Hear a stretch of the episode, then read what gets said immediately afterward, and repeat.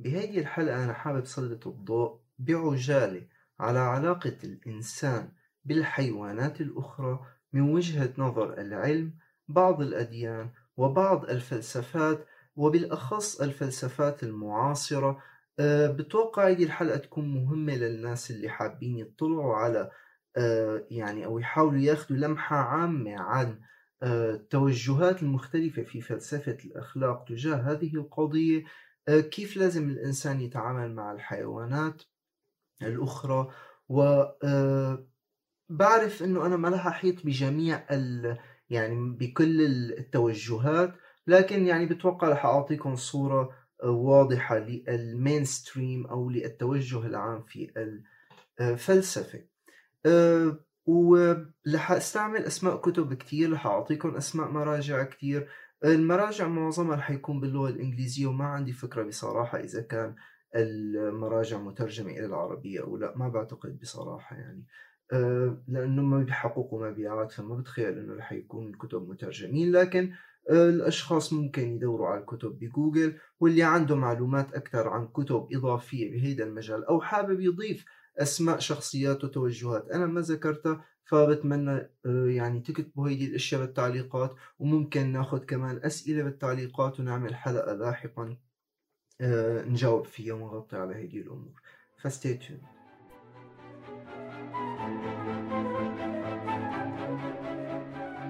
أكيد من وجهة نظر العالم مثل ما بتوقع كلياتكم بتعرفوا نحن والحيوانات الأخرى عبارة عن أفراد كلياتنا بننتمي لنفس العائلة الحيوانية الكبرى.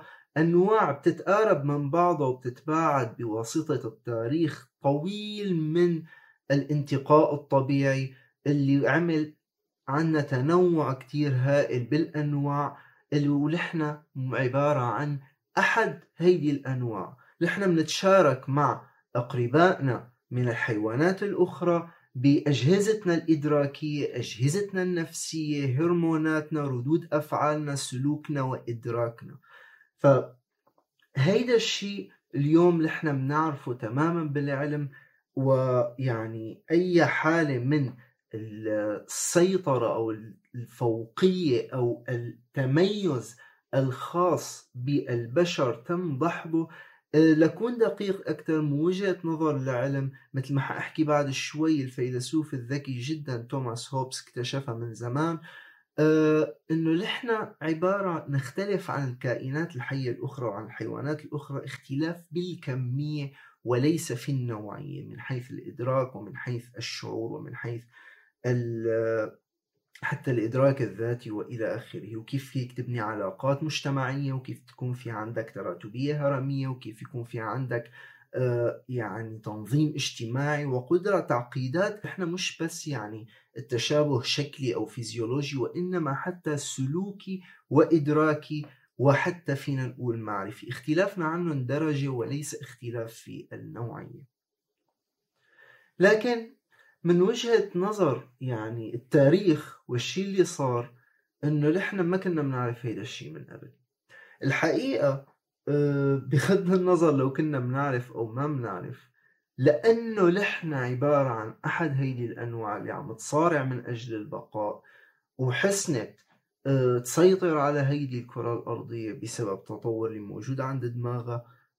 أخضعنا واستعبدنا الحيوانات يعني عبر تاريخنا المؤخر خليني أقول. نحن كنا عم نتقاتل مع الحيوانات عبر تاريخنا كلياته كنا بحالة عداء معهم لكن وقت اللي عملنا ثورة بحالة التدجين وحسنا نصير نسيطر على بعض أنواع الحيوانات وطورنا سلالاتها لليوم. نحن بناكل أنواع حيوانية وعنا حيوانات مدجنة وحيوانات مجهزة للأغذية. مع إنه في حيوانات أخرى بنستعملها كحيوانات أليفة عنا بالبيت. وحتى بتلاحظ إنه في اختلاف ما بين الثقافات. فأنت بأوروبا مثلا الكلب تعتبره حيوان أليف بينما بكتير دول بآسيا الكلب هو وجبة طعام. فنحن استعبدنا الحيوانات الأخرى وطورناها ودجناها عمليا لما يتوافق مع مصالحنا. فمنشان هيك هيدا الشيء بخلينا نفهم ليش مثلا آه، حتى الفلاسفة والأديان القديمة كلياتها اعتبرت أن الحيوانات هي كائنات أخرى مجهزة لهذا الإنسان وأن له تفوق عليها لأنه اللي صار أنه هن بتطورهم الطبيعي بوسط الانتقاء الطبيعي كانوا عم يوصلوا لمرحلة انهم يحسنوا يدجنوا هيدي الحيوانات. فبعدين فاقوا للموضوع إنه لقوا حالهم مع تطور الوعي تبعهم ببعض بضعة آلاف من السنين بس لورا يعني مش من زمان كتير مقارنة حفنة كتير بسيطة مقارنة بعمرنا الحقيقي كنوع حيواني. فنحن اعتبرنا نفسنا سادة هذا العالم وسادة هذه الحيوانات. من حيث الفلسفة منلاقي أرسطو مثلا بكتاب السياسات بيقول صراحة أنه النباتات خلقت من أجل الحيوانات والحيوانات خلقت من أجل الإنسان. عمل هذه التراتبية الهرمية آه، اللي اعتبرها موجودة وبالتالي كان للإنسان السيطرة المطلقة على باقي الأشياء من وجهة نظر أرسطو لأنه نحن الكائنات الواعية الوحيدة والأخرى هي موجودة من أجلنا. بهديك الحقبة حتى عند أرسطو. آه، ليش اعتبر هذيك الحيوانات موجودة من أجلنا؟ لأنه هن ما عندهم وعي من وجهة نظره. وهيدا الوعي آه، أو العقلانية كانت أو الإدراك كان بالنسبة لأرسطو حتى تدريجي مش on off مثل ما حنشوف لاحقا عند بعض الفلاسفة يوجد أو لا يوجد. من شان بهيدي الطريقة حسن أرسطو يبرر العبودية ما بين الأثينيين اللي هن الأكمل من حيث الإدراك والأغيار أو البرابرة اللي هن جميع البشرية الأخرى اللي هن غير أثينيين مشان هيك دول بحق لنا نستعبدهم بينما أرسطو يجرم مثلا استعباد الأثينيين لأنه الكائنات الأخرى مجهزة بطبيعتها. يجادل أرسطو بأن تكون عبدة لهذا الكائن الأكمل اللي هو الإنسان. هيدي التراتبية الهرمية بنلاقيها كمان موجودة عند كتاب التوراة كتاب العهد القديم. آه، اللي هن كتبوا التوراة يعني بالفترة or less أيام أرسطو كمان. فهيدا يعني المين ستريم اللي كان ماشي بهداك الوقت فكريا. فمنلاقي بسفر التكوين واحد ستة وعشرين وقال الله نعمل الإنسان على صورتنا كشبهنا فيتسلطون على سمك البحر وعلى طير السماء وعلى البهائم وعلى كل الأرض وعلى جميع الدبابات التي تدب على الأرض. واحد 28 وباركهم الله وقال لهم أثمروا وأكثروا وأملئوا الأرض وأخضعوها وتسلطوا على سمك البحر وعلى طير السماء وعلى كل حيوان يدب على الأرض. ومنلاحظ التراتبية الهرمية تبع أرسطو ب 31 اللي بتقول ولكل حيوان الأرض وكل طير السماء وكل دبابة على الأرض فيها نفس حية أعطيت كل عشب أخضر طعاما. فهيدي التراتبية للحيوانات هو أعطى العشب فإذا على العشب أعطي للحيوانات والحيوانات أعطيت للإنسان. وبيأكد على هيدا الشيء صراحة القديس والفيلسوف المسيحي الشهير جدا توما الإكويني بأشهر أعماله الخلاصة اللاهوتية ثم ثيولوجيكا أن الحيوانات خلقت للإنسان وللإنسان مطلق الحرية للتعامل معها وقتلها واستغلالها كما يريد لا يوجد أي خطيئة في أي تعامل للإنسان تجاه الحيوانات. لا يهم كيف يتعامل الإنسان مع الحيوانات لأن الرب قد جعل كل شيء ملكا للإنسان. وقبله القديس والفيلسوف المسيحي صاحب الكتاب الضخم مدينة الإله أغسطونيوس أكد على نفس الأمر وقال إنه وصية لا تقتل محصورة بقتل البشر فقط وليس بقتل الحيوانات. وهيدا الشيء بنلاقيه كمان موجود بالتراث الإسلامي. فمثلا بسورة لقمان عشرين ألم تروا أن الله سخر لكم ما في السماوات وما في الأرض؟ بفسر الطبري ما في الأرض؟ بقوله من دابة وشجر وماء وبحر وفلك وغير ذلك من المنافع. وبفسر السعدي من الحيوانات والأشجار والزروع والأنهار والمعادن ونحوها.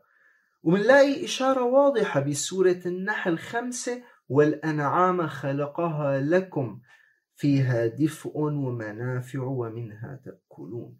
نفس الشيء من الديانات المشرقية كمان مثل البوذية والهندوسية ما بنلاقي أي إشارات لأنه تحريم لأكل المنتجات الحيوانية أو تحريم لاستعباد الحيوانات يعني حتى بوذا نفسه ما عنده أي إشارة بهذا الموضوع. طبعا في تحريمات لبعض أنواع الحيوانات مثل أي ديانة أخرى.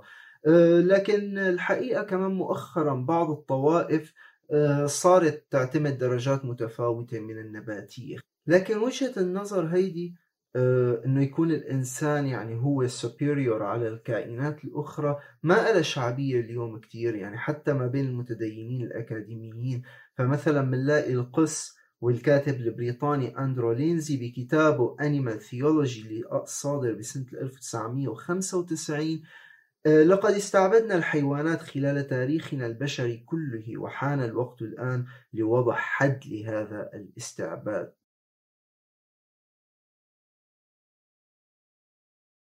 هلا الفلاسفة اللي اليوم بيدافعوا عن وجهة النظر هي آه، بسيطرة أو تفوق الإنسان وتسلطه على باقي الحيوانات الأخرى آه، هن كتير قلال. يعني مثلا على رأسهم الفيلسوف البريطاني الأمريكي آه، وال cognitive أو العالم في مجال العلوم الإدراكية أبحاثه ركزت على فلسفة العقل أكثر شيء في أبحاث في مجالات اللغة وغيرها. بيتر كارثرز بنلاقيه متأثر بالنظرة البراغماتية اللي صبغت الفلسفة الأمريكية فبيقول إنه الحقوق والواجبات هن وجهين لعملة واحدة. فبما إنه الحيوانات ما بإمكانها تلتزم بواجبات أخلاقية فما بإمكانها يكون في لها حقوق. بيقول صراحة بكتابه The Animal Issue Moral Theory in Practice اللي نشرته منشورات جامعة كامبريدج سنة 92 إنه الحيوانات مثل الأبنية ما في لها حقوق مباشرة لكن إنك تتسبب بالأذى للحيوانات هذا خرق لمشاعر البشر الذين يحبون الحيوانات فأنت هيك عم تأذي مشاعر فبهيدي الحالة الحيوانات في لهم آه، حقوق غير مباشرة. عرفتوا؟ الحقوق الأصلية للبشر فقط ليس للحيوانات. أي حقوق؟ لكن إذا أنت أذيت الحيوانات فأنت حتأذي البشر اللي هن بيحبوا الحيوانات. فمن شان هيك أنت ما حتأذي الحيوانات. هيدا بنسميه حقوق غير مباشرة. هلأ بالنسبة له إما أنك تكون أنت كائن عاقل rational moral agent كائن عاقل مسؤول أخلاقيا أو أنك تكون شيء thing أوكي؟ لاحظوا يا بتكون rational moral agent أو كائن عقلاني مسؤول اخلاقيا أو أنت عبارة عن شيء مشان هيك هو شبه الحيوانات بالابنيه فبيتر كارثرز عمليا اتبع الفيلسوف القرن السابع عشر ريني ديكارت آه، وقت هو شبه الحيوانات بالأبنية لأنه هو عم يقول لك آه، طالما الحيوانات لا تستطيع أن تفكر في أنها تفكر الفكرة الديكارتية آه، وبالتالي جميع إدراكاتها وآلامها هي غير واعية هي لا شيء. والفيلسوف آه، الفرنسي ريني ديكارت نفسه آه، قال إنه أو شبه الحيوانات بالآلات تماما قال لك هن فقط يتبعوا غرائزهم هن ما في عندهم أي معرفة إدراكية لكن فكرة ديكارت شو كانت؟ قال لك لأنه هن ما بإمكانهم يمتلكوا معارف knowledge ولا في عندهم لغة. وبالتالي الحيوانات من وجهة نظر ديكارت ما في إلى أي وعي على الإطلاق. بالقرن اللي بعده بيجينا الفيلسوف الألماني الكبير. هيدا أول اسم مهم رح أحكي فيه اليوم بحلقة اليوم. الألماني إيمانويل كانت بالقرن ال 18 صاحب نظرية الأخلاق الواجبة بعلم الأخلاق. بيقول بكتابه آه، محاضرات في الأخلاق. إنه ما في عنا أي واجبات تجاه الحيوانات. الحيوانات كائنات غير واعية بذاتها. طور الفكرة مش موضوع غير واعية لك هي غير واعية بذاتها. هي موجودة كي يتم استغلالها من أجل غايات أخرى as means to an end. هذه الغايات الأخرى هي الإنسان. كانت بفلسفته الأخلاقية الديونتولوجيكال ethics أو الكانتزم آه، بيطرح فكرة أنه البشر هي موجودة من أجل نفسها بذاتها. لا يجب أن يتم استغلال أي إنسان كي يكون means to an end. كل إنسان هو end in himself أو herself. So لكن لا يطبق هذا الأمر على الحيوانات بيقول لك الحيوانات هي موجودة فقط كي يتم استغلالها من قبل آه، الإنسان. لكن الواجبات الأخلاقية تبعنا تجاه الحيوانات هي واجبات غير مباشرة أيضا. ليش؟ لأنه هي تؤثر سلبا على الإنسان من وجهة نظر كانت فشوف الفكرة تبعه أنه أنت ما لازم تأذي الحيوان لأنه إذا أنت أذيت الحيوانات فأنت حتصير إنسان يعني شرير هيدا الشيء بيأثر على نفسيتك وإنه أنت بتصير إنسان فعلا شرير اللي بيستمتع بتعذيب الحيوانات أو قتلها أو إلى آخره أو إنه ما يكون رؤوف فيها بينما اللي بيكون رؤوف مع الحيوانات وكذا فعلى الأغلب هيدا إنسان طيب ولطيف. فهيدي الفكرة تبعه. وبالمناسبة هيدي الفكرة ما جديدة يعني هو اتبع الفكرة الفلسفية اللي بنسميها التوينزم أو فلسفة توما الإكويني اللي هو أساسا طرح نفس هيدي المجادلة. لكن اليوم يعني ما حدا من الكانطيين الجدد آه، بيوافق كانت على هيدي الفكرة يعني. مثل الفيلسوفة الأمريكية وبروفيسورة الفلسفة بجامعة هارفارد كريس كورسغارد آه، اللي هي أحد أهم الكانطيين المعاصرين حقيقة. بتقول إنه لأ كانت كان مخطئ وما في داعي إنه أنت تتطلبي self consciousness أو وعي بذاتك لحتى تكون أنت end in yourself لا بكفي يكون في عندك consciousness فشايفين مشان هيك هي ضمنت الحيوانات وقالت لا كانت مخطئ هذا الأمر. لأنه النظرة هيدي كثير آه، متطرفة مثل ما قلت لكم. اليوم ال mainstream ال mainstream لا كلياتها بتعطي إنه لازم نحن بدرجة أو بأخرى نهتم بال interest آه، للحيوانات أو يعني لكل حيوان أو الاهتمامات تبعه كذا ما نأذيه وما نتعامل معه أو نسيء له رح نطور الأفكار شوي شوي. لكن بالشكل العام آه، بيضلوا عم يعطوا معظمهم مش كلهم طبعا يعني ال mainstream أنا عم بحكي إنه لازم نهتم للحيوانات لكن في priority فينا نعمل overriding لهيدي القاعدة آه، أو تجاوز هذه القاعدة إذا كان آه، لصالح ال interest تبع البشر أو مصالح البشر. فهيدي ال idea العامة اللي فيني سميها اليوم ك average ولكن ما بين هيدا ال average في سكيلات بقى شيء كتير متطرف لهون وشيء كتير متطرف لهون.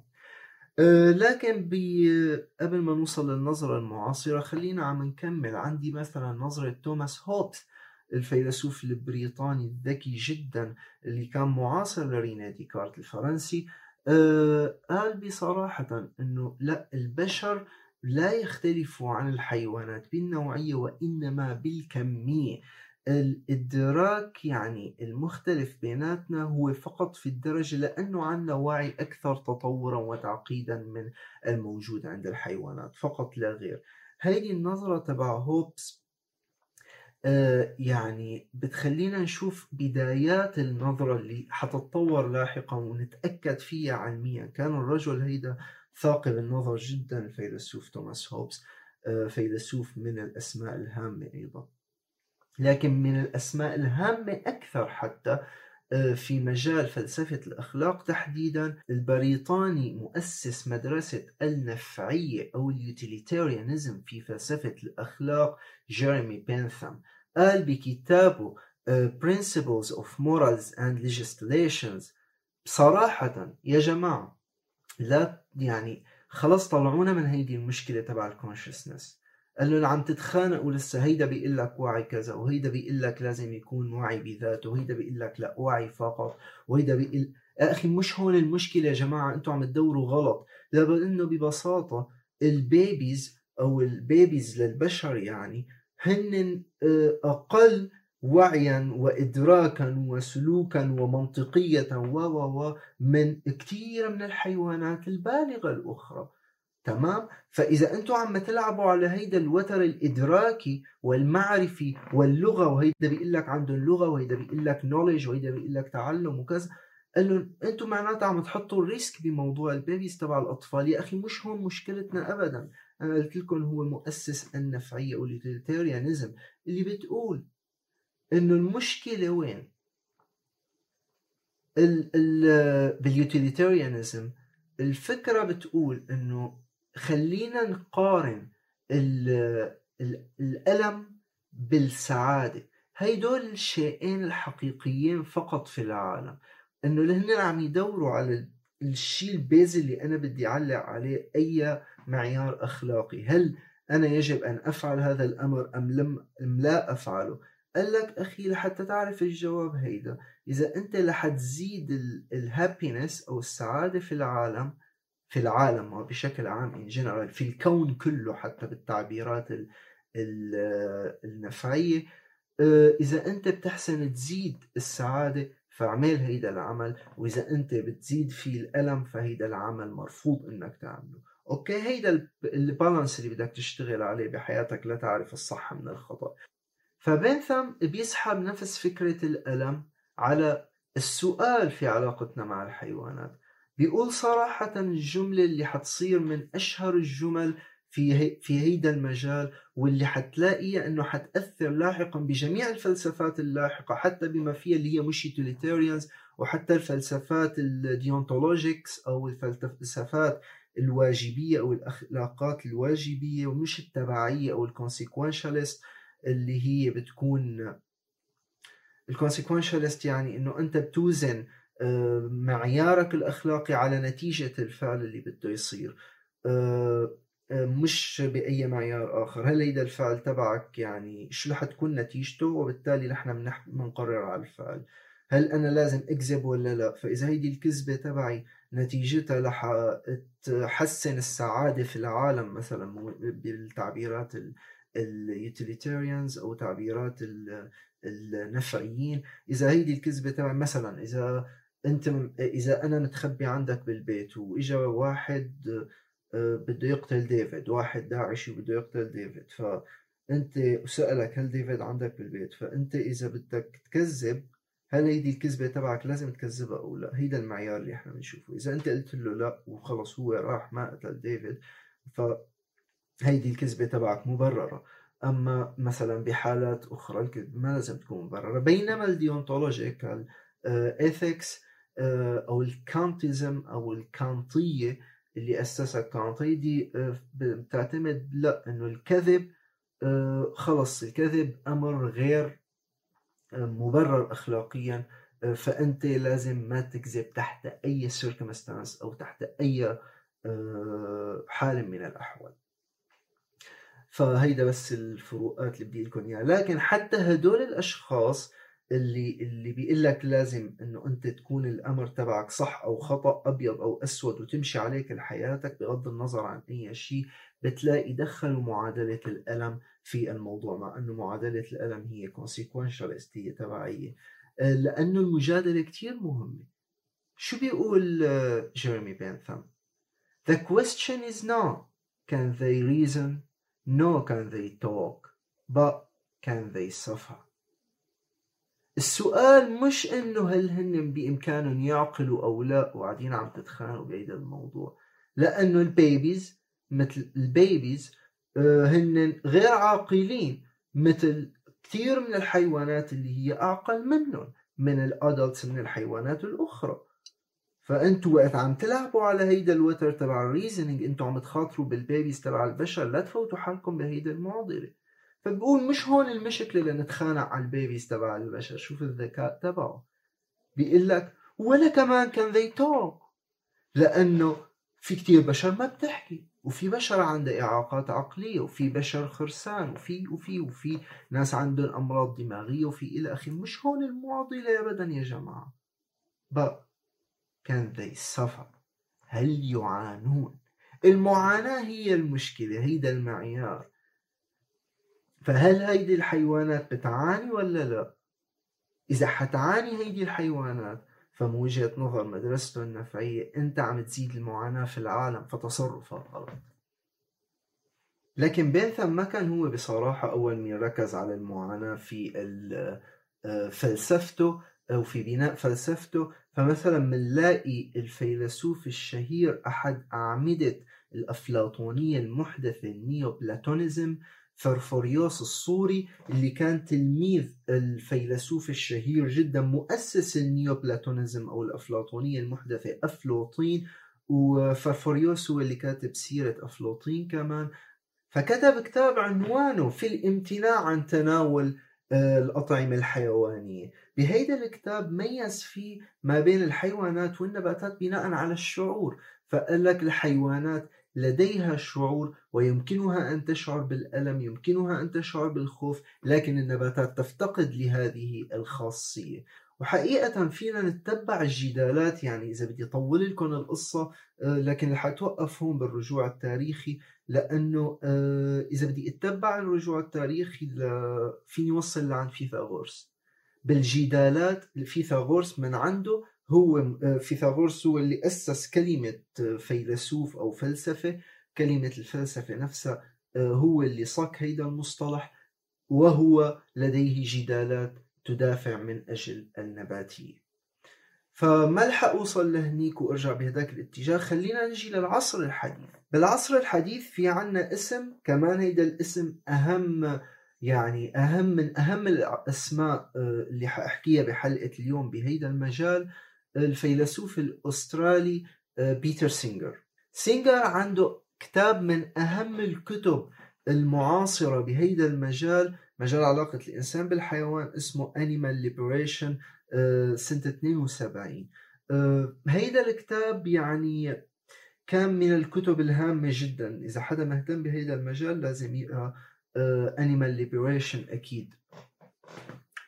في له كتب أخرى كمان مهمة وناقش فيها موضوع علاقة الإنسان بالحيوانات مثل كتاب Practical Ethics 1979 وكتاب The Expanding Circle Ethics Evolution and Moral Progress 1981 بيتر ناشط لليوم آه، يعني بمجال التوعية آه، بحماية الحيوانات وال آه، طبعا هو vegan أو نباتي تماما يمتنع عن أكل والتعاطي مع جميع المنتجات الحيوانية. وكمان هو ناشط ب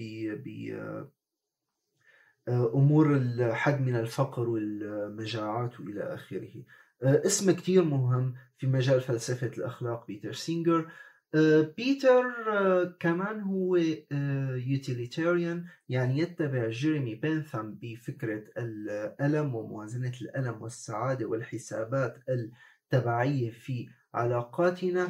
لكن المجادلة تبعه بتقلك نحن عم نحقق ألم على هيدي الحيوانات نحن بنعرف إنه هيدي الحيوانات بتشعر بالألم وبنعرف هيدا الكلام قولا واحدا مثل ما قلت لكم قبل شوي هن ونحن نشترك تماما في آه، هذه المملكة الحيوانية عندنا نفس الدي ان اي نفس الأجهزة العصبية وكذا كلما اقتربت الحيوانات لنا في السجل التطوري.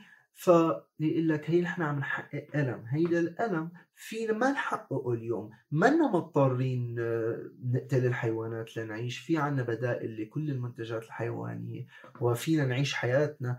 آه، نحن عم نقتل الحيوانات من شان لأنه لذة الطعم تبعها أو لذة الهانتينج ولذة الأكل. بالنسبة لنا كبشر اللي يعني المدنيين اليوم اللي بنشتري من السوبر ماركت اللحوم والألبان والأجبان وكذا نحن عم نشتريها لأنه بنستمتع فيها وطعمتها طيبه وإلى آخره. القيم الغذائية فينا نستعيض عنها بالبدائل الأخرى. وبالتالي ما عندنا يعني كثير مجادلة غير إنه أنت بتحب هيدا الأكل. فنحن مش مضطرين نعمل هيدا الشيء وبالتالي إنك تعمل هيدا الشيء غلط فلازم أنت تكون نباتي. فهيدي المجادلة بكتير اختصار تبع بيتر سينجر. وفي عنا ريتشارد ريدر الطبيب والكاتب البريطاني آه، صك مصطلح speciesism آه، أو speciesism بحسب كيف بدك اي آه، لفظ أو لهجة. كان متأثر بالستينات بحركة ال sexism أو فكرة ال sexism وحركة ال feminism الناتجة عنها آه، أو المبنية عن هي على هذه الفلسفة. وموضوع الريسيسيزم آه، أو العنصرية. فعندك العنصرية تجاه الأفراد الآخرين من الألوان الأخرى وإلى آخره. جميع أنواع العنصرية ضد المبنية على أي نوع من الأمور وعندك اللي بت... وصلت للاستعباد عمليا وخلتنا نستعبد الآخرين لأنه لونه أسود أو لأنه من الأغيار بحسب التعبير الأفلاطوني الأرسطي. آه، أو ال sexism اللي عمل التمييز بناء على الجنس فكانت السيطرة للذكور كانت الإناث ممنوعة من ال voting أو من التصويت ممنوعة من المشاركة بالعمل السياسي من العمل من من من بحسب أي دين وأي ثقافة. ف آه، نتيجة هذه الحركات هو سط مصطلح ال speciesism آه، بسنة السبعين. آه، بمعنى ليعني في التحيز ضد التحيز للنوع اللي انت بتنتمي له بس لأنك انت بتنتمي لهيدا النوع. تمام؟ كيف انت تتحيز للجنس اللي انت تنتمي له بس لأنك انت تنتمي لهيدا الجنس أو تتحيز للعرق اللي انت بتنتمي له لأنك انت تنتمي لهيدا العرق أو لهيدي القومية أو لهيدي الطائفة أو لهذا الدين أو أو أو ونفس الشيء وقت انت عم تعمل تحيز لأنك انت إنسان ف... وتتحيز لبني البشر الآخرين وتعطيهم وتقبل أن آه، تكون لكم السلطة على الحيوانات الأخرى لا لسبب إلا لأنكم آه، يعني آه، تتميزون عنهم. وفي حال في conflict أنت دايما بتوزن بيكون في عندك bias أو بيكون عندك تحيز للنوع اللي أنت بتنتمي فيه. ف هيدا المصطلح اللي حيكون حنرجع له بعد شوي لنشوف كيف تأثيره بالفلسفات القادمة. فإذا هلأ بالفلسفة المعاصرة صرت حاكي لكم على توجهين أساسيين بالفلسفة المعاصرة. توجه بيتر كارثرز وتوجه بيتر سينجر. هلأ توجه بيتر كارثرز آه، اللي عنده كتاب اللي كتير مهم The Animal Issue آه، Moral Theory in Practice. اللي نشرته منشورات كامبريدج سنة 92 آه، قبله في كان عنا فكرة بيتر سينجر كتابه Animal Liberation 1975 هلأ رح أحكي لكم عن الاسم الثالث المهم في التوجهات المعاصرة اللي هو التوجه آه، توم ريغان الفيلسوف الأمريكي الشهير جدا اللي قضى حياته عم يدافع عن حقوق الحيوان توفى قبل سنتين ب 17 فبراير 2017 الفكرة تبعه هي فكرة حقوقية آه، مش مثل فكرة بيتر سينجر ب Animal Liberation فكرة utilitarianism آه، فكرة نفعية وإنما آه، فكرة حقوقية. وضحها بكتابه The Case for Animal Rights 1983 هلأ اللي بده يقرأ ريجن أنا بس حابب لكم شغلة إنه ريغن آه، بيستعمل مصطلحات يعني اللي إحنا بنكون متعودين عليها بالفلسفة بمعنى معين هو بيعطيها تعريفاته الخاصة فيه وبيمشي عليها. هلأ حأجي على بعضها هلأ. لكن مثلا وقت عم يحكي عن ال moral agent ال moral patient وقت بيكون عم يحكي عن rights ال duties وكذا عنده تفصيلات حتى بيستعمل ال harm principle وهيك مثل ما حكي بعد شوي بتعريفاته الخاصة. فأي حدا بده يقرأ لتوم ريغن آه، أو يقرأ هيدا الكتاب فينتبه على التعريفات اللي هو عم يستعملها ويعامل المصطلحات بده يشغل مخه بهيدا الموضوع. غليظة القصة شوي يعني أنا زعل أنا زعجتني كثير وقت قريت الكتاب. بالنسبة له الفكرة تبعه بتأكد على إنه لكل حيوان inherent value. الفكرة هون دقيقة شوي رح أعطيها شيء من التوضيح لأنه هلأ الناس بشكل عام بال everyday language باللغة اليومية حتى باللغة الإنجليزية آه، بيستعملوا inherent و intrinsic تبادليا. لكن إذا بدنا ندقق فيهم بالمعنى الفلسفي في فرق ال inherent value آه، هي قيمة تلتصق بالشيء. أوكي؟ يعني هي قيمة ملازمة للشيء لكن شو ملازمة له؟ تلتصق فيه. جايته من ال outside بالنسبة لل intrinsic value القيمة نابعة من داخل الشيء مش ملتصقة فيه من برا. هيدا الفرق الدقيق اللي بنى عليه توم ريغان فلسفته.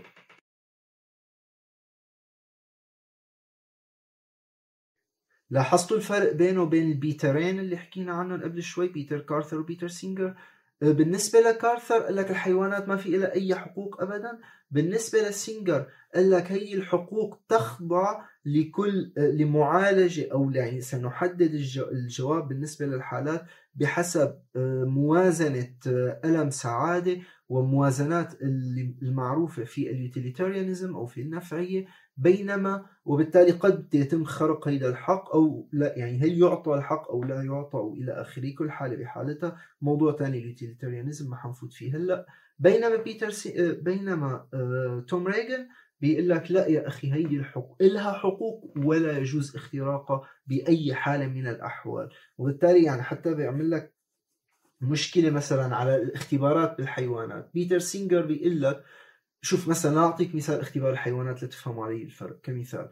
بالنسبة لبيتر آه، كارثر فيك تعمل اللي بدك إياه بالحيوانات ما في مشكلة اختبارات وكذا واللي بدك إياه خلص ما في لهم أي حقوق الجماعة مثل ما حكينا عطى exception معين. لكن مثلا for the sake of ال experiment والجامعات وكذا والتجارب الطبية إنه it's okay okay ما عنده أي مشكلة. بيتر سينجر لا له مجادلات طويلة إنه بيقول لك لا معظم هي دول الحيوانات اللي عم تروح بالنسبة للتجارب أو تحت مسمى التجارب الطبية والحالات التعليمية وكذا معظمها عم يروح بلا طعمة يعني فيه نسبة هدر هائلة جدا. لازم نحن ما نعمل يعني لازم نخفف هيدي الأعداد. ما لم يثبت إنه والله هيدي الأعداد ضرورية. بينما بالنسبة لتوم ريغان لا لازم ما نعمل تجارب على الحيوانات. أبدا أبدا.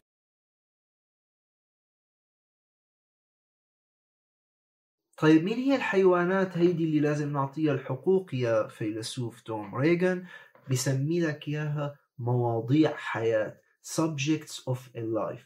اللي بيعرفها بأنه هدول الأفراد يكون الأفراد مواضيع حياة إذا كان لديهم معتقدات ورغبات وتطلعات وذاكرة وحياة عاطفية وقدرة على الإحساس بالألم والسعادة وتفضيلات والقدرة على القيام بتصرفات لتحقيق أهدافهم الخاصة بغض النظر عن نفعيتهم للآخرين. شايفين هي رد على سينجر أو عن كونهم محط رغبة أو اهتمام أو ملكية لغيرهم. شايفين كيف رد على النفعية بآخر جملتين؟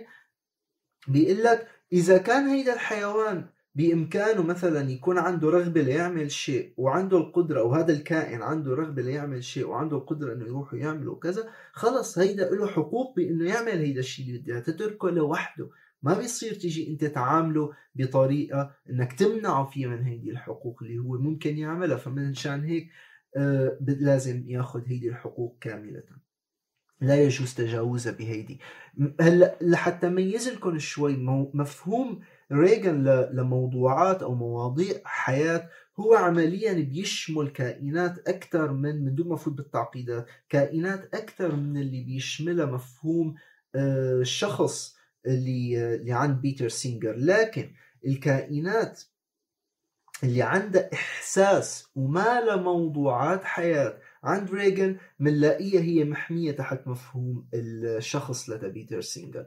بس كمان بنفس الوقت الكائنات اللي هي موضوعات حياة عند ريغن آه، بتتمتع بحماية مطلقة مثل ما شفنا قبل شوي. حمايتها مطلقة لها حقوق ولا يجوز إنه يلتعب فيها أو يتم اختراقها. بينما عند سينجر الحماية اللي عم يتمتعوا فيها ما بنفس القوة لأن هي خاضعة لحسابات. النفعية أو ال utilitarianism. هلأ عمليا في شغلة لازم يعني إذا لاحظتوها اللي اللي مطلعين فيكم يمكن لاحظوها إنه توم ريغان آه كأنه طبق مفهوم ال categorical imperative تبع كانت على الحيوانات وسع المفهوم الكانتي لل categorical imperative على الحيوانات. كانت ما عمل هيدا الشيء. المفهوم اللي هلا حكيناه إنه البشر هم end in themselves نهايات بحد ذاتهم. لا يجوز إنك أنت تعامل إنسان بأي حال من الأحوال على أنه وسيلة لغاية أخرى. هذا الأمر مرفوض. بينما مثل ما شفنا بالنسبة له كانت الحيوانات هي موجودة كغايات كوسائل لتحقيق غايات الإنسان. بينما توم ريغن شو قال لك؟ قال لك لا البشر مثلهم مثل وباقي الحيوانات الأخرى كلياتهم يتمتعوا بنفس هيدي ال categorical imperative بيسمي ريغان هيدا الانسحاب اللي عمله آه، على الحيوانات ب the harm principle. لكن انتبهوا شوفوا هيدي اللي كنت عم بحكي عنها بالنسبة لريغان. لا ت... يعني لا تخلطوا بين the harm principle تبع توم ريغان وال harm principle تبع جون ستيوارت ميل فيلسوف ال neoclassical utilitarian المهم جدا آه، أو ال utilitarian أو النفعي الكلاسيكي المحدث آه، جون ستيوارت ميل اللي هو تبع تابع لبنثم بالجيل الثاني بعد بنثم آه، جون ستيوارت ميل بكتابه الهام جدا المفصلي بتاريخ فلسفة الأخلاق كتابه On Liberty يلي نشره بالمناسبة آه، بنفس العام اللي نشر فيه أصل الأنواع 1859 يعني عندي هدول الكتابين آه، هيدا العام عام محوري كان بالتاريخ العالمي حقيقة لأنه مثل ما يعني درجة التأثير تبع On Liberty في فلسفة الأخلاق أو آه، يوازي تماما درجة تأثير كتاب أصل الأنواع في البيولوجيا. فإذا بهيدا الكتاب حط مبدأ الضرر بالباب الأول تبعه ولكن هيدا مبدأ مختلف عن ما دخل هيدا المبدأ بالمبدأ اللي عم يحكي عنه توم ريغان. توم ريغان عنده مبدئين آه، تحت آه، ال harm عنده مبدئين تحت ال harm principle ليحددوا لنا كيف نحن ممكن نكسر هيدا ال harm principle أو مبدأ الضرر. الأول هو مبدأ خفض التجاوز. أو ال minimize overriding principle أو مثل ما هو بيسميه miniride principle ال miniride principle بيعني إنه إذا كان في عندي بدي أختار في ضرر آه، بنفس القيمة أو هو بنفس الدرجة اللي حيصيب أقلية أو أكثرية فأنا رح أضحي بالأقلية على حساب الأكثرية أو بمعنى أنه يتم تجاوز حق الأقلية override. الاثنينات من حيث المبدأ الأقلية والأكثرية عندهم نفس الحق. Alright? لكن أنا بهيدي الحالة في عندي ضرر بده يصيب الاثنين الأقلية والأكثرية وبنفس الدرجة. مين اللي ما في حل يعني الضرر جاي جاي يا أكثرية يا اقليه فمين اللي بده يتجاوز حقه؟ بيقول لك الأقلية. يتم تجاوز حق الأقلية بدلا من الأكثرية. بينما المبدأ الثاني بيقول لك هو مبدأ الاسوء أو worst of principle. شو قصده بالworst of principle أو مبدأ الاسوء إنه إذا كان الضرر اللي بده يصيب الأقلية يفوق بكثير الضرر اللي ممكن يصيب حدا من الأكثرية كإيكويلفنت فلا بهيدي الحالة يتم تجاوز حق الأكثرية بدلا من الأقلية. لأنه ما لازم نخلي الأقلية أسوأ بكثير. أه بيعطي مثال أه شهير جدا مثال الكلب أه والأشخاص. بيقول لك شوف المثال تبعه كيف بيبلش؟ آه إنه إذا كنا بقارب نجاة يوجد أربع أشخاص أو أربع كائنات. هدول الاربعة واحد منهم كلب. هن بنفس الوزن وبنفس الحجم. آه لازم يضحوا بواحد من بيناتهم لحتى ينجوا الباقيين. مين اللي لازم يتضحى فيه؟ كله نفس الوزن كله نفس الحجم ولازم نضحي بواحد. لاحظتوا مين اللي من هدول موجودين لازم نضحي فيه؟ بيقول لك الكلب. بيقول لك الكلب. لكن المجادلة تبعه كيف؟ إنه لأنه التضحيه بهيدا الكلب آه، اذا ضحينا بهيدا الكلب نحن رح نختار الخيار الأقل سوءا ما مقارنة مع التضحية بالآخرين. ليش يا توم ريغان أقل سوءا؟ بيقول لك لأنه مستقبلا هيدا الكلب خيارات المتعة اللي حتروح عليه أقل بكتير خيارات أو المجالات اللي حيستمتع فيها أقل بكتير. العمر اللي ممكن يعيشه على الأغلب أقل بكتير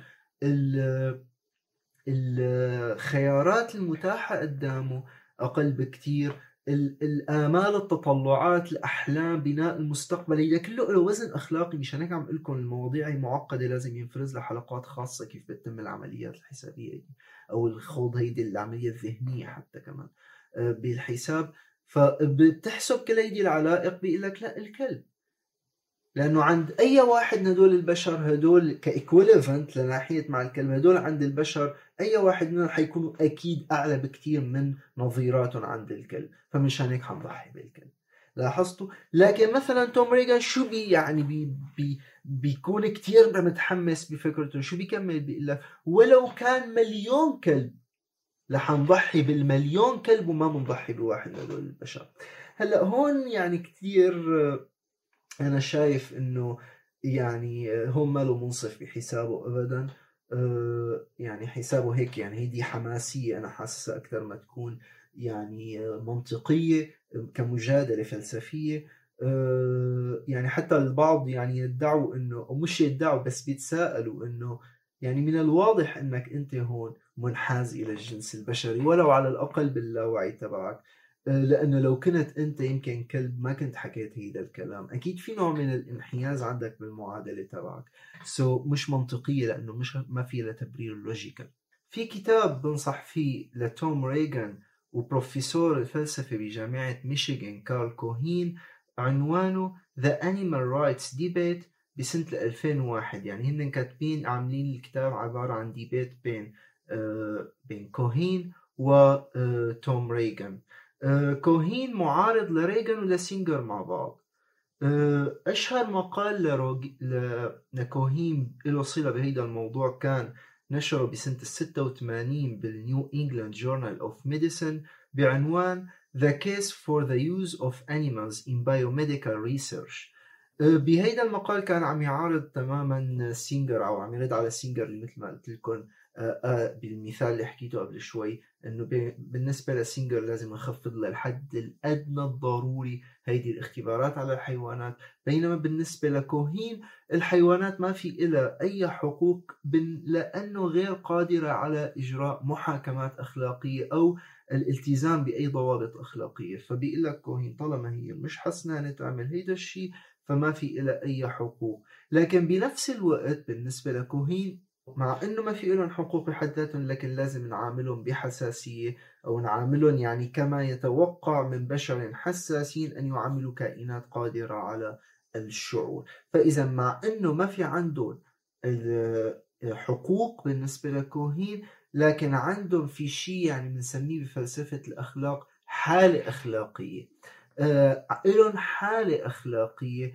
آه وإن كانت أقل من الحالة الأخلاقية اللي بيتمتعوا فيها البشر لأنه نحن كبشر نحن عنا حالة أخلاقية وعنا حقوق أيضا. هلأ إذا مركزين معي رح تلاحظوا إنه كوهين عنده آه يعني فلسفته عبارة عن مزيج ما بين أو مجادلته عبارة عن مزيج ما بين التبعية والحقوقية. يعني هو ما عم يعطي الحيوانات حقوق لكن بنفس الوقت عم يعطيهم آه عم يخلينا نعاملهم معاملة جيدة آه أو يكون لهم حالة أخلاقية. من وجهة نظر تبعية ألم وسعادة لأنهم قادرين على الشعور. هو ليه مضطر يعمل هيك؟ لأنه بده يهرب من مشكلة تضمين البيبيز أو البشر يعني الأطفال الصغار البشر والمرضى العقليين وكذا. تضمين هدول مع الحيوانات. لأنه هو مش عمل المجادلة تبعه بأنه الحيوانات ما في عندهم قدرة على إجراء محاكمات أخلاقية ولا التزام بضوابط أخلاقية. بنقول له هاي في عندك ال babies البشر غير قادرين على الالتزام بما يستطيع كثير من الحيوانات البالغة الالتزام به. فمشان هيك هو هرب من هون وقال لك لا أنا بفوت بحالة تبعية مع أنه أنا كانت مجادلتي أخلاقية من هون لكن رح أعطيها exception آه تبعي. يعني هيدا المزيج تبعه خلاه يكون بحالة من تعامل مع ال species ككل. يعني يعطيك نظرة كلانية حقوقية ذات يعني ذات صيغة تبعية. مش مثل حالة التبعية التقليدية آه، اللي بتكون لازم بكل حالة individual لأنه في حقوق متساوية. هي حالة شوي critical عند آه، آه، عند كوهين. موقف كارل كوهين الغريب هذا فينا نسميه strong human priority أو إعطاء أهمية أو أولوية للبشر قوية بشكل قوي. لأنه في موقف آه، ضعيف من إعطاء الأولوية للبشر إذا بدنا نوازنه. هو الموقف اللي أخذته الفيلسوفة البريطانية اللي توفت قبل بضعة أشهر ب 10 أكتوبر 2018 ماري ميديجلي صاحبة كتاب Animals and Why They Matter. 1983 كتاب آه، كمان مهم. ماري واقفة بالنص بفلسفتها آه، ما بين الطرف المدافع بشدة عن الحيوانات اللي عم يعطيهم حقوق وعم يخلينا نهتم بمنافعهم ونهتم بحاجاتهم وبإلى آخره. إنه يكون لهم آه، وزن أخلاقي خليني أقول حالة ريغان وسينجر. وما بين الطرف المعاكس تماما اللي هو طرف بيتر كاروثرز وكارل كوهين اللي عم يعطوا دائما أولوية للبشر على حساب الحيوانات مثل ما شفنا. فهي وقفت بالنص بين هدول الطرفين وعملت تمييز كتير مهم بموضوع ال speciesism. آه قالت لك إنه okay دقيقة شوي ما تاخذ يا بيتر سينجر فكرة ال speciesism وكما هي لازم نفرق ما بين descriptive speciesism و normative speciesism. آه كلمة descriptive و normative كمان ما بدي كتير شط وروح بالموضوع لكن descriptive يعني توصيفي ونورماتيف يعني معياري أو ما يجب أن يكون. فدايما الأخلاق أو النظريات الأخلاقية هي نظريات normative theories نظريات معيارية بترجموها بالعربي. هي تقول ما يجب أن يكون. وليس ما هو كائن. ما هو كائن تقوم به أو توصفه ال descriptive theories فهي عم تقول لك ال speciesism لازم نميز ما بين نوعين لها descriptive speciesism و normative speciesism. نحن في عنا speciesism يا جماعة. psychologically آه، ما فينا نكذب بأنه نحن أقرب من يعني لدينا هذا النوع من التحيز للأفراد الأقارب لنا ولدينا تحيز للبشر تجاه الحيوانات هذا آه، غريزي فينا. يعني هي حتى جادلت بيتر سينجر. بيتر سينجر في له مثال analogy آه، يعتبر أشهر analogy أو ثاني حتى أول أو ثاني أشهر analogy في الفلسفة الأخلاقية الحديثة. بمقال كتير مهم بسنة ال 72 Famine, Affluence and Morality.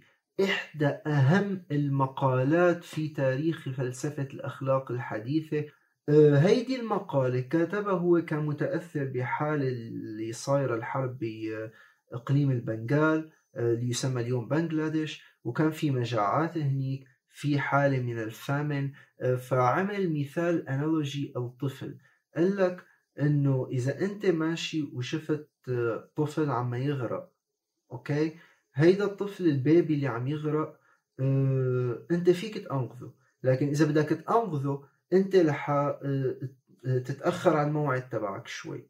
بدك العشر دقائق أو خمس دقائق أو أنت البوط والثياب اللي أنت لابسهم رح ينبلوا بالمي طبعا لأنك رح تفوت لجوا. فهو شو بيقول لك الموازنة لحتى نشوف شو لازم تعمل. الخسارة تبع البيبي إنه يموت أفدح بكثير من إنه أنت ينبلوا ثيابك.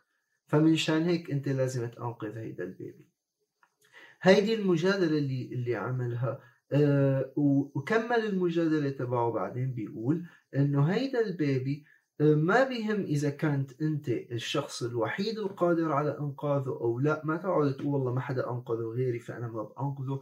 آه ولا بهم إذا كان بيقربك أو ما بيقربك بعيد أو قريب عنك.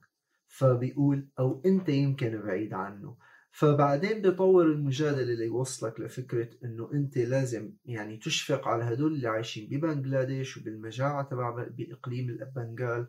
أه وكأنهم هن جيرانك. يعني ما في وزن لازم يعطى لجيرانك من ناحية نظر عقلانية إنه والله جيرانك لهم أولوية أكثر في المساعدة من هيدا الطفل البنغالي. بس لأنه هن جيرانك. بس هيدا البعد الجغرافي ما لازم يلعب دور بقرارك الأخلاقي أو الوزن الأخلاقي اللي بدك تعطيه للقرار تبعك. so, لازم أنت بالنتيجة تساعد. هدنك لأنه هن حيحققوا فائدة و blah blah blah بفوتك بالمعادله التبعيه فهي عم ترد عليه على هيدي الانالوجيات ال analogy كتير شهير مثل ما قلت لكم. هي بترد على هيدا الأنالوجي وبتقول له لا يا أخي في شيء اسمه بحالة توصيفية نحن موجودة عنا إنه نحن النزعة لحتى نكون منحن على أو في شيء سيكولوجي بيربطنا مع الناس الأقرب لنا وعطت مثال إنه الآباء اللي هن ما بيكون عندهم تحيز معين تجاه أطفالهم مقارنة مع الأطفال الآخرين هن آباء سيئين هدول اللي إحنا بنسميهم بالمجتمع.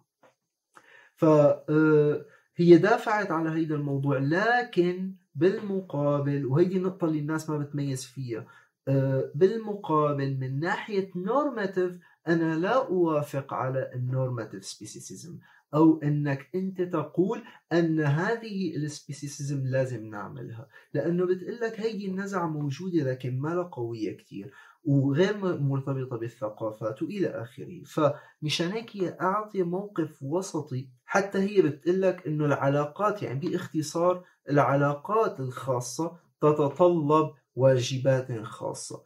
فهيدا باختصار اللي اللي عم ترد فيه هي كانت على بيتر سينجر.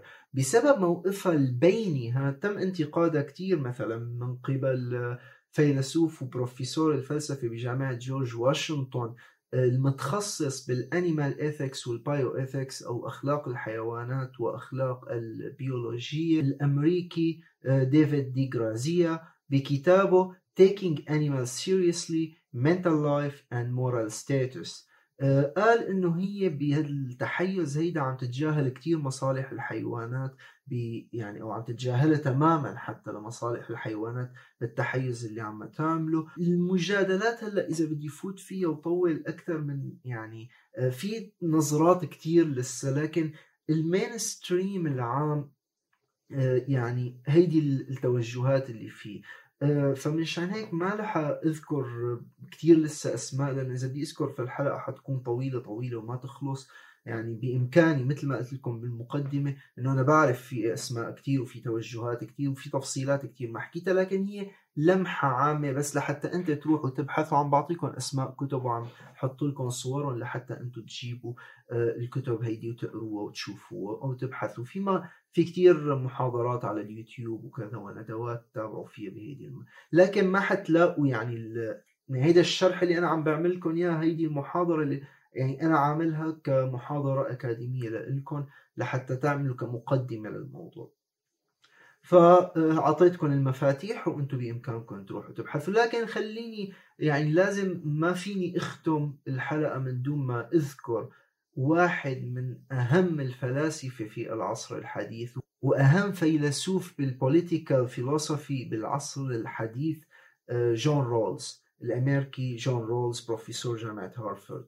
بكتابه اللي كمان كتاب مفصلي وأساسي لأي حدا مهتم بال political philosophy كتاب A Theory of Justice أو نظرية في العدالة.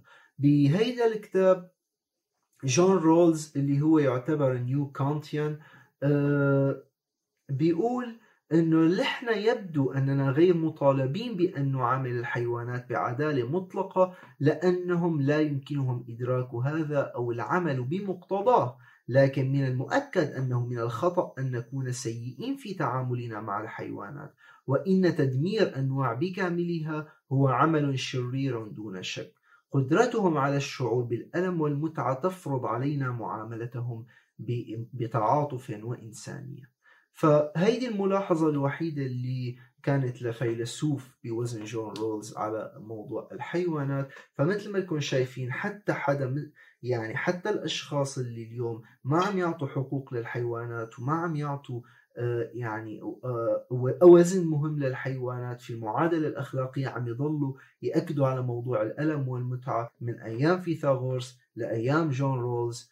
نحن عم نحكي بالألم والمتعة. يا ترى جيريمي بينثم صح ولا غلط؟ جيريمي بينثم تحت مدرسته النفعية آه، مدارس كثيرة جدا. أي مدرسة الصح أنا ما رح أجاوب. يا ترى كانت ال neo-Kantians مثل جون رولز عم ياخذوا من النفعية فكرة الألم والمتعة وعم يطوروا أفكار؟ يا ترى حقوقيين deontological ولا consequentialist هيدي الأمور بنتركها لحلقات تانية. إذا كان صار عندي وقت أعمل لكم حلقات وأعطيكم هيدي الأفكار. لكن بالنسبة لهيدا الموضوع بتوقع هيدي الحلقة أكثر من كافية. إلى اللقاء.